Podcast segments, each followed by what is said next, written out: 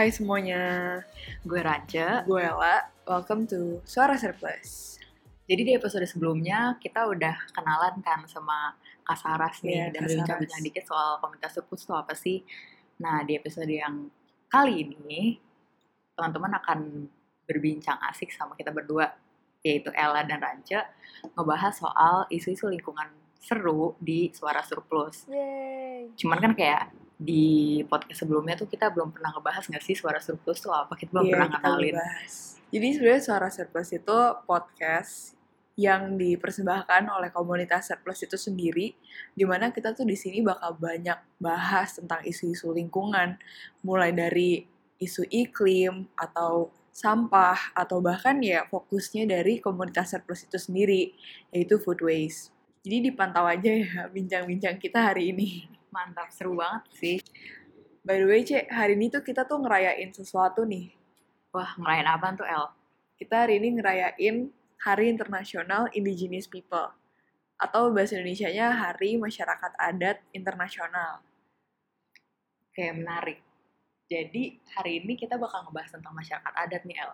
Betul, tapi sebenarnya gini-gini, kita mungkin harus ngedefinisiin dulu kali ya masyarakat adat yang kita bahas di sini tuh apa? Iya, siapa sih masyarakat adat itu kan maksudnya? Iya, siapa masyarakat adat itu?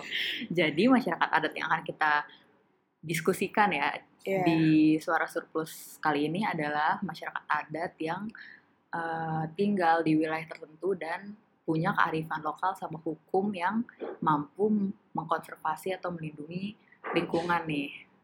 Oke, berarti bisa dibilang kalau mereka ini punya keunikan tersendiri ya berupa kearifan lokal atau uh, prinsip-prinsip yang masih mereka bawa sampai sekarang gitu.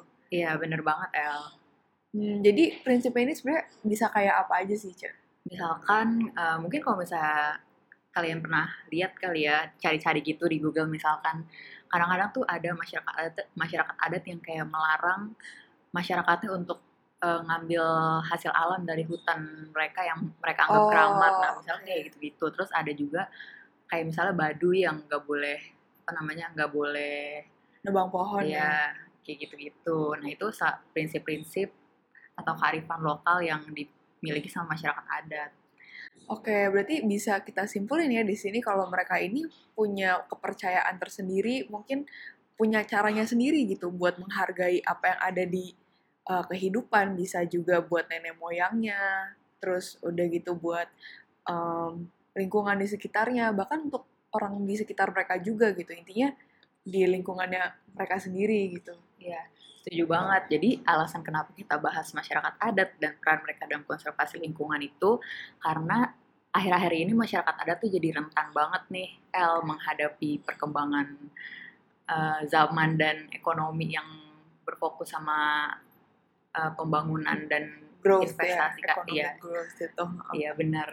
Pembangunan yang berfokus ke pertumbuhan ekonomi atau profit kayak gitu-gitu tuh emang bikin mereka ini rentan. Karena kan bisa dibilang ya banyak yang bilang juga sih ada trade off di sini antara economic growth antara pertumbuhan ekonomi sama environmental degradation itu atau kerusakan alam gitu. Karena ada diambil em, apa ya elemen-elemen sumber daya alam gitu yang bakal mensupport adanya perkembangan ekonomi ini gitu.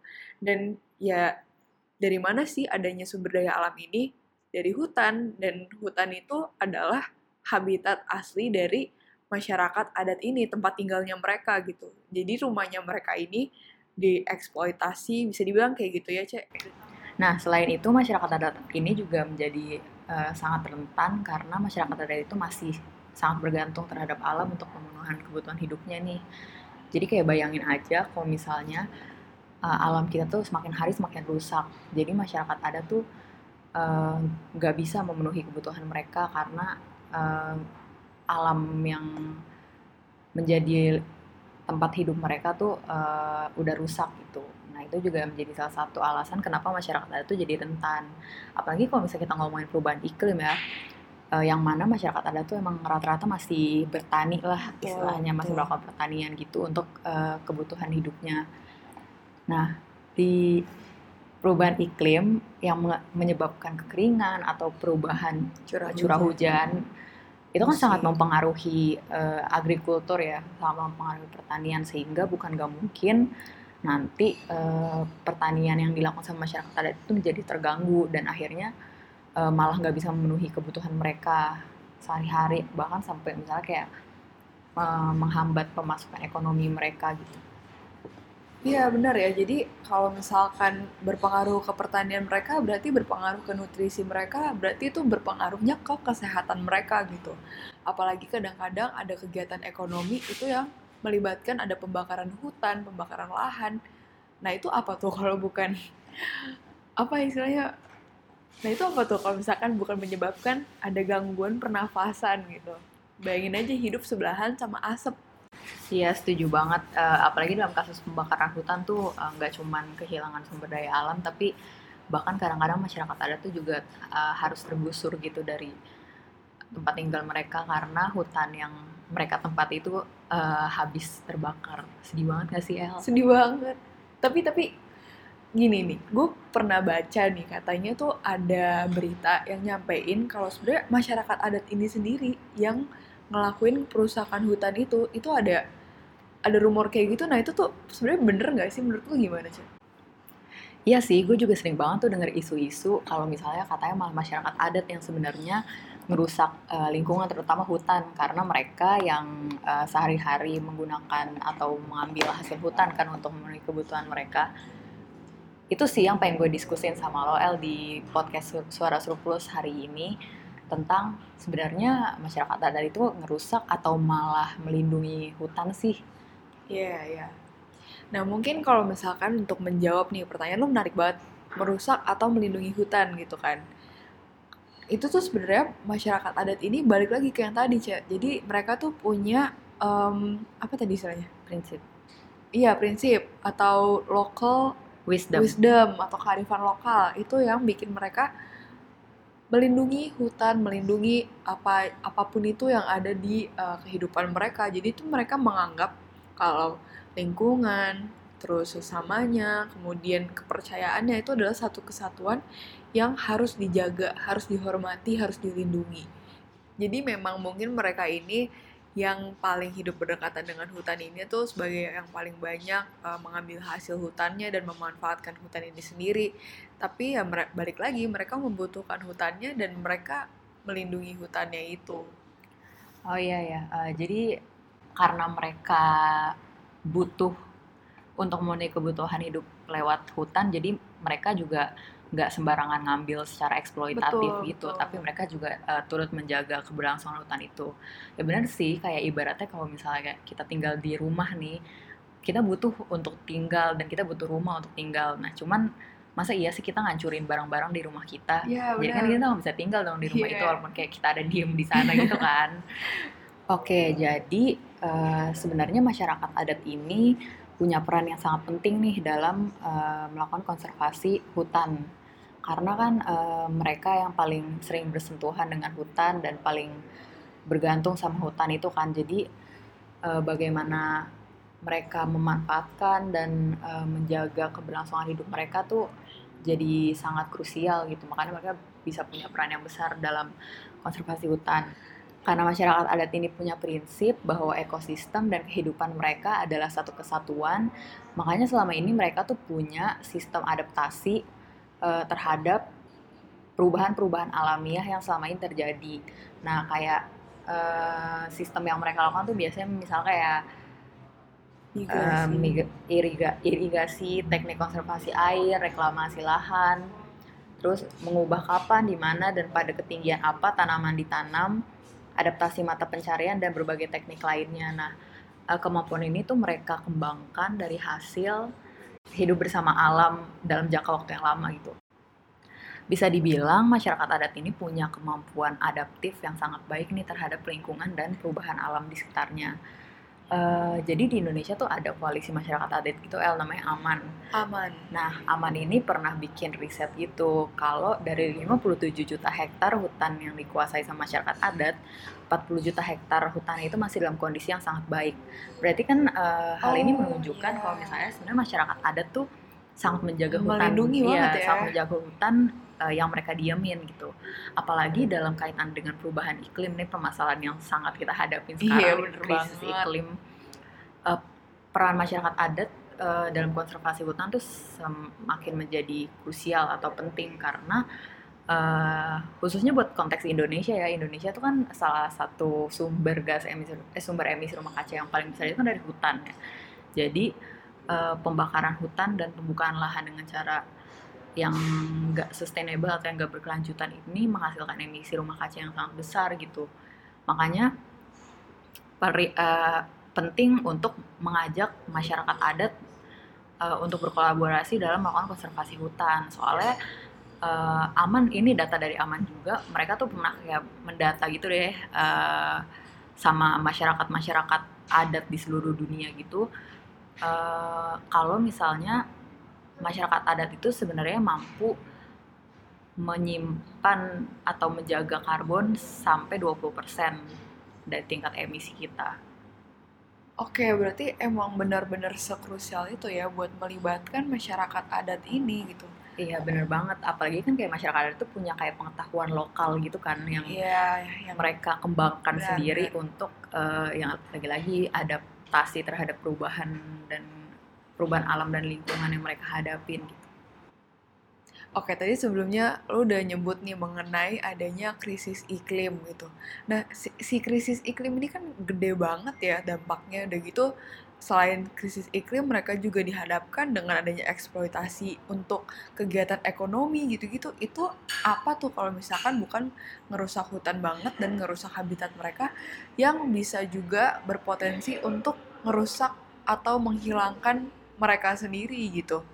Jadi bisa dibilang nih ya kalau misalkan kita mengurangi hutan artinya kita mengurangi biodiversitas yaitu keanekaragaman hayati nah itu juga bisa mengakibatkan berkurangnya kebudayaan Indonesia gitu jadi emang Indonesia ini sebenarnya kaya banget kan kaya Kaya kan banget sih Indonesia. kaya banget kaya banget akan hutan akan resources atau sumber daya alamnya kaya akan kebudayaan suku ras tapi itu semua tuh bisa hilang gitu sebas sebatas karena adanya perubahan iklim dan eksploitasi besar-besaran Bener banget El. Jadi bisa dibilang juga sih kalau misalnya kita merusak eh, alam dan hutan kita itu sama aja kita merusak dan mengurangi kebudayaan yang kita punya sekarang. Dari obrolan kita tadi tuh eh, sebenarnya makin kelihatan sih kenapa kita harus melibatkan masyarakat adat dalam konservasi hutan. Eh, kalau misalnya kita lihat tuh di berita-berita eh, sering banget ada kriminalisasi-kriminalisasi terhadap masyarakat adat atas upaya untuk melindungi hutan atau tempat tinggal mereka sendiri karena dianggap eh, menghambat pertumbuhan ekonomi gitu. Banyak banget eh, orang-orang adat atau orang-orang masyarakat lokal yang kemudian ditangkap atau diintimidasi karena eh, nggak mau memberikan lahan atau hutan mereka demi Hmm. kegiatan ekonomi gitu. jadi ibaratnya nggak mau kerja sama gitu Iya. ya sama Iya, investor-investor padahal iya padahal mereka tuh berusaha untuk melindungi eh, lingkungan mereka gitu, tempat tinggal mereka. Contohnya itu kemarin tuh ada eh, kayak di Maluku tuh ada rencana mau dibikin food estate gitu. Nah, food estate itu jadi Oh, satu nih. kawasan isinya eh, pangan ya Iya, pokoknya untuk eh, isinya tuh untuk kebutuhan pangan. Jadi pertanian, perkebunan Iya. gitu. Nah, jadi dalam pembangunan food estate di Maluku ini orang-orang di sana tuh diintimidasi sama eh, pelaksana proyeknya lah karena eh, dianggap nggak mau ber ko- apa nggak mau kooperasi Ko- gitu ya kooperatif gitu. kooperatif ya Padahal uh, food estate ini katanya tuh bakal mengancam keberlangsungan alam di Maluku terutama menyebabkan uh, mereka tuh karena ngebuka lahannya ekstensif dan besar-besaran gitu jadi dia akan ngebabat banyak banget hutan gitu. Nah masyarakat adat masyarakat adat di sana juga berusaha untuk menghentikan hal tersebut tapi malah diintimidasi.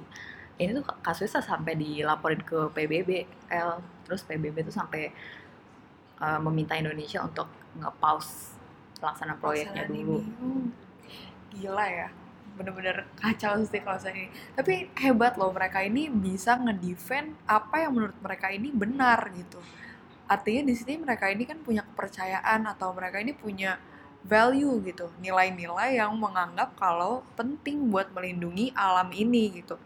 Mungkin itu dia ya pentingnya kalau kita nih harus melaksanakan konservasi hutan, kawasan alam itu ya berbasis masyarakat adat terutama. Masyarakat adat ini sebenarnya melindungi hutan, melindungi alam, atau melindungi apa pun yang mereka anggap penting untuk dilindungi ini bukan sebatas karena ada hukum atau regulasi yang menuntut mereka untuk melindungi, tapi itu ya atas dasar kepercayaan mereka. Pada konteks ini, sistem sosial berbasis tradisi atau nilai-nilai itu uh, yang menopang keberlanjutan pengelolaan hutan dan sumber daya alam oleh masyarakat. Jadi ini bisa dibilang efektif dan efisien banget gitu karena kalau misalnya kita lihat kayaknya pengelolaan yang dilakukan oleh pemerintah sendiri mungkin kurang bahkan jauh ya dari efektif iya bener uh, alasan kenapa konservasi hutan berbasis masyarakat ini efektif juga karena masyarakat adat ini sendiri yang paling tahu tentang hutan itu kan karena yeah, mereka tinggal di sana tinggal kan di jadi uh, selain itu alasan tadi karena mereka udah tahu uh, mengenai hutannya uh, pemberdayaan eh konservasi hutan berbasis masyarakat ini juga bisa memberdayakan masyarakat adat itu sendiri. Oke, okay, oke. Okay. Berarti bisa dibilang haman mereka, terus dia gitu kepercayaan mereka dan tradisinya juga, adatnya juga, budayaannya juga itu yang melindungi hutan itu sendiri gitu ya. Iya, bener banget.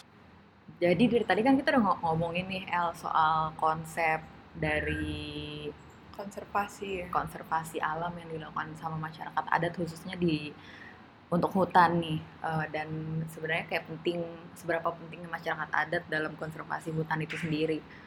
Tapi sebenarnya ada nggak sih contoh konkret yang dilakukan sama masyarakat adat Indonesia untuk melakukan uh, konservasi hutan itu sendiri? Kayak lo pernah mungkin lo pernah kayak baca atau dengar gitu kayak masyarakat adat di Indonesia tuh ngelakuin apa gitu untuk melindungi hutan? Um, jadi gue pernah baca artikel ada artikel gitu yang bahas bahwa di Nusa Tenggara Timur itu tuh lagi ada um, pembabatan hutan secara habis-habisan besar-besaran atas nama investasi. Dan di balik itu tapi ada suku adat yang melindungi hutannya gitu. Itu namanya suku Boti. Jadi suku Boti ini ya seperti yang tadi kita udah bahas ya konsepnya itu mereka punya value punya prinsip, punya kearifan lokal untuk melindungi hutannya dan menjaga um, hubungan harmonis antara suku Boti ini sendiri dengan alamnya gitu. Dan mereka tuh punya hukum adatnya sendiri sih, peraturan adat gitu, yang melarang warganya untuk nebang pohon. Jadi jika ada kebutuhan yang mendesak, itu mereka udah nggak boleh lagi nebang pohon. Melihat hal ini tuh kita nggak perlu bingung ya nggak bingung lagi cek kalau misalkan emang di perkampungan Boti ini terlihat sangat teduh dan rindang ini beda banget sih sama daerah Nusa Tenggara Timur kebanyakan yang uh, umumnya tuh kering gersang gitu sih. Dan mereka juga sangat-sangat menjaga kebersihan di hutan ini di daerah ini gitu. Jadi di perkampungannya mereka terutama di area kerajaannya kalau dari yang gue baca ya itu tidak tercecer sampah sama sekali di jalanan gitu. Beda banget gak sih sama iya. kita uh, bahkan kita aja yang udah di level Jakarta gitu yang iya. kota ibu kota terus kota metropolitannya kita masih sering banget ngeliat sampah, sampah berceceran di mana-mana padahal harusnya kota ini yang lebih pinter loh maksudnya kayak iya, karena ada katanya, pendidikan gitu kan katanya ada teknologi yang maju juga kan kayak kan kita sekarang di era globalisasi gini kayak apa apa tuh teknologi gitu. Bener. gitu padahal sebenarnya pengetahuan lokal juga bisa gitu melakukan hal yang sama kan Iya, tanpa adanya modernisasi ini justru ternyata itu yang lebih baik untuk alam gitu. Nah, gue juga pernah baca nih El, dan ini ada kaitannya nih sama isu kalau misalnya masyarakat adat itu sebenarnya merusak uh, alam kita. Uh, katanya nih masyarakat Dayak itu suka banget ngebakar hutan untuk, oh, iya? uh, tapi uh, sebenarnya memang mereka biasanya uh, untuk apa namanya membuka lahan untuk berladang gitu ya mereka tuh memang eh, kadang-kadang membukanya dengan cara dibakar tapi yang membedakan pembukaan lahan dengan cara dibakar yang dilakukan sama masyarakat adat dengan pembukaan lahan dengan cara dibakar yang dilakukan sama korporasi-korporasi pembakar hutan itu uh, masyarakat adat ini tahu seluas apa wilayah yang mere mau mereka bakar gitu supaya apinya tuh nggak melebar ke mana-mana El jadi okay, sebelum okay. sebelum mereka ngebakar uh, untuk pembukaan ladang ini mereka tuh uh, membuat sekat bakar sekat bakar iya sekat bakar jadi sekat Kayak bakar gimana? ini fungsinya itu untuk nahan api supaya nggak nggak melebar ke mana-mana dan Oh, akhirnya oke. jadi kebakaran hutan gitu Jadi ngebatasin gitu ya, Iya. apinya tuh sampai mana gitu.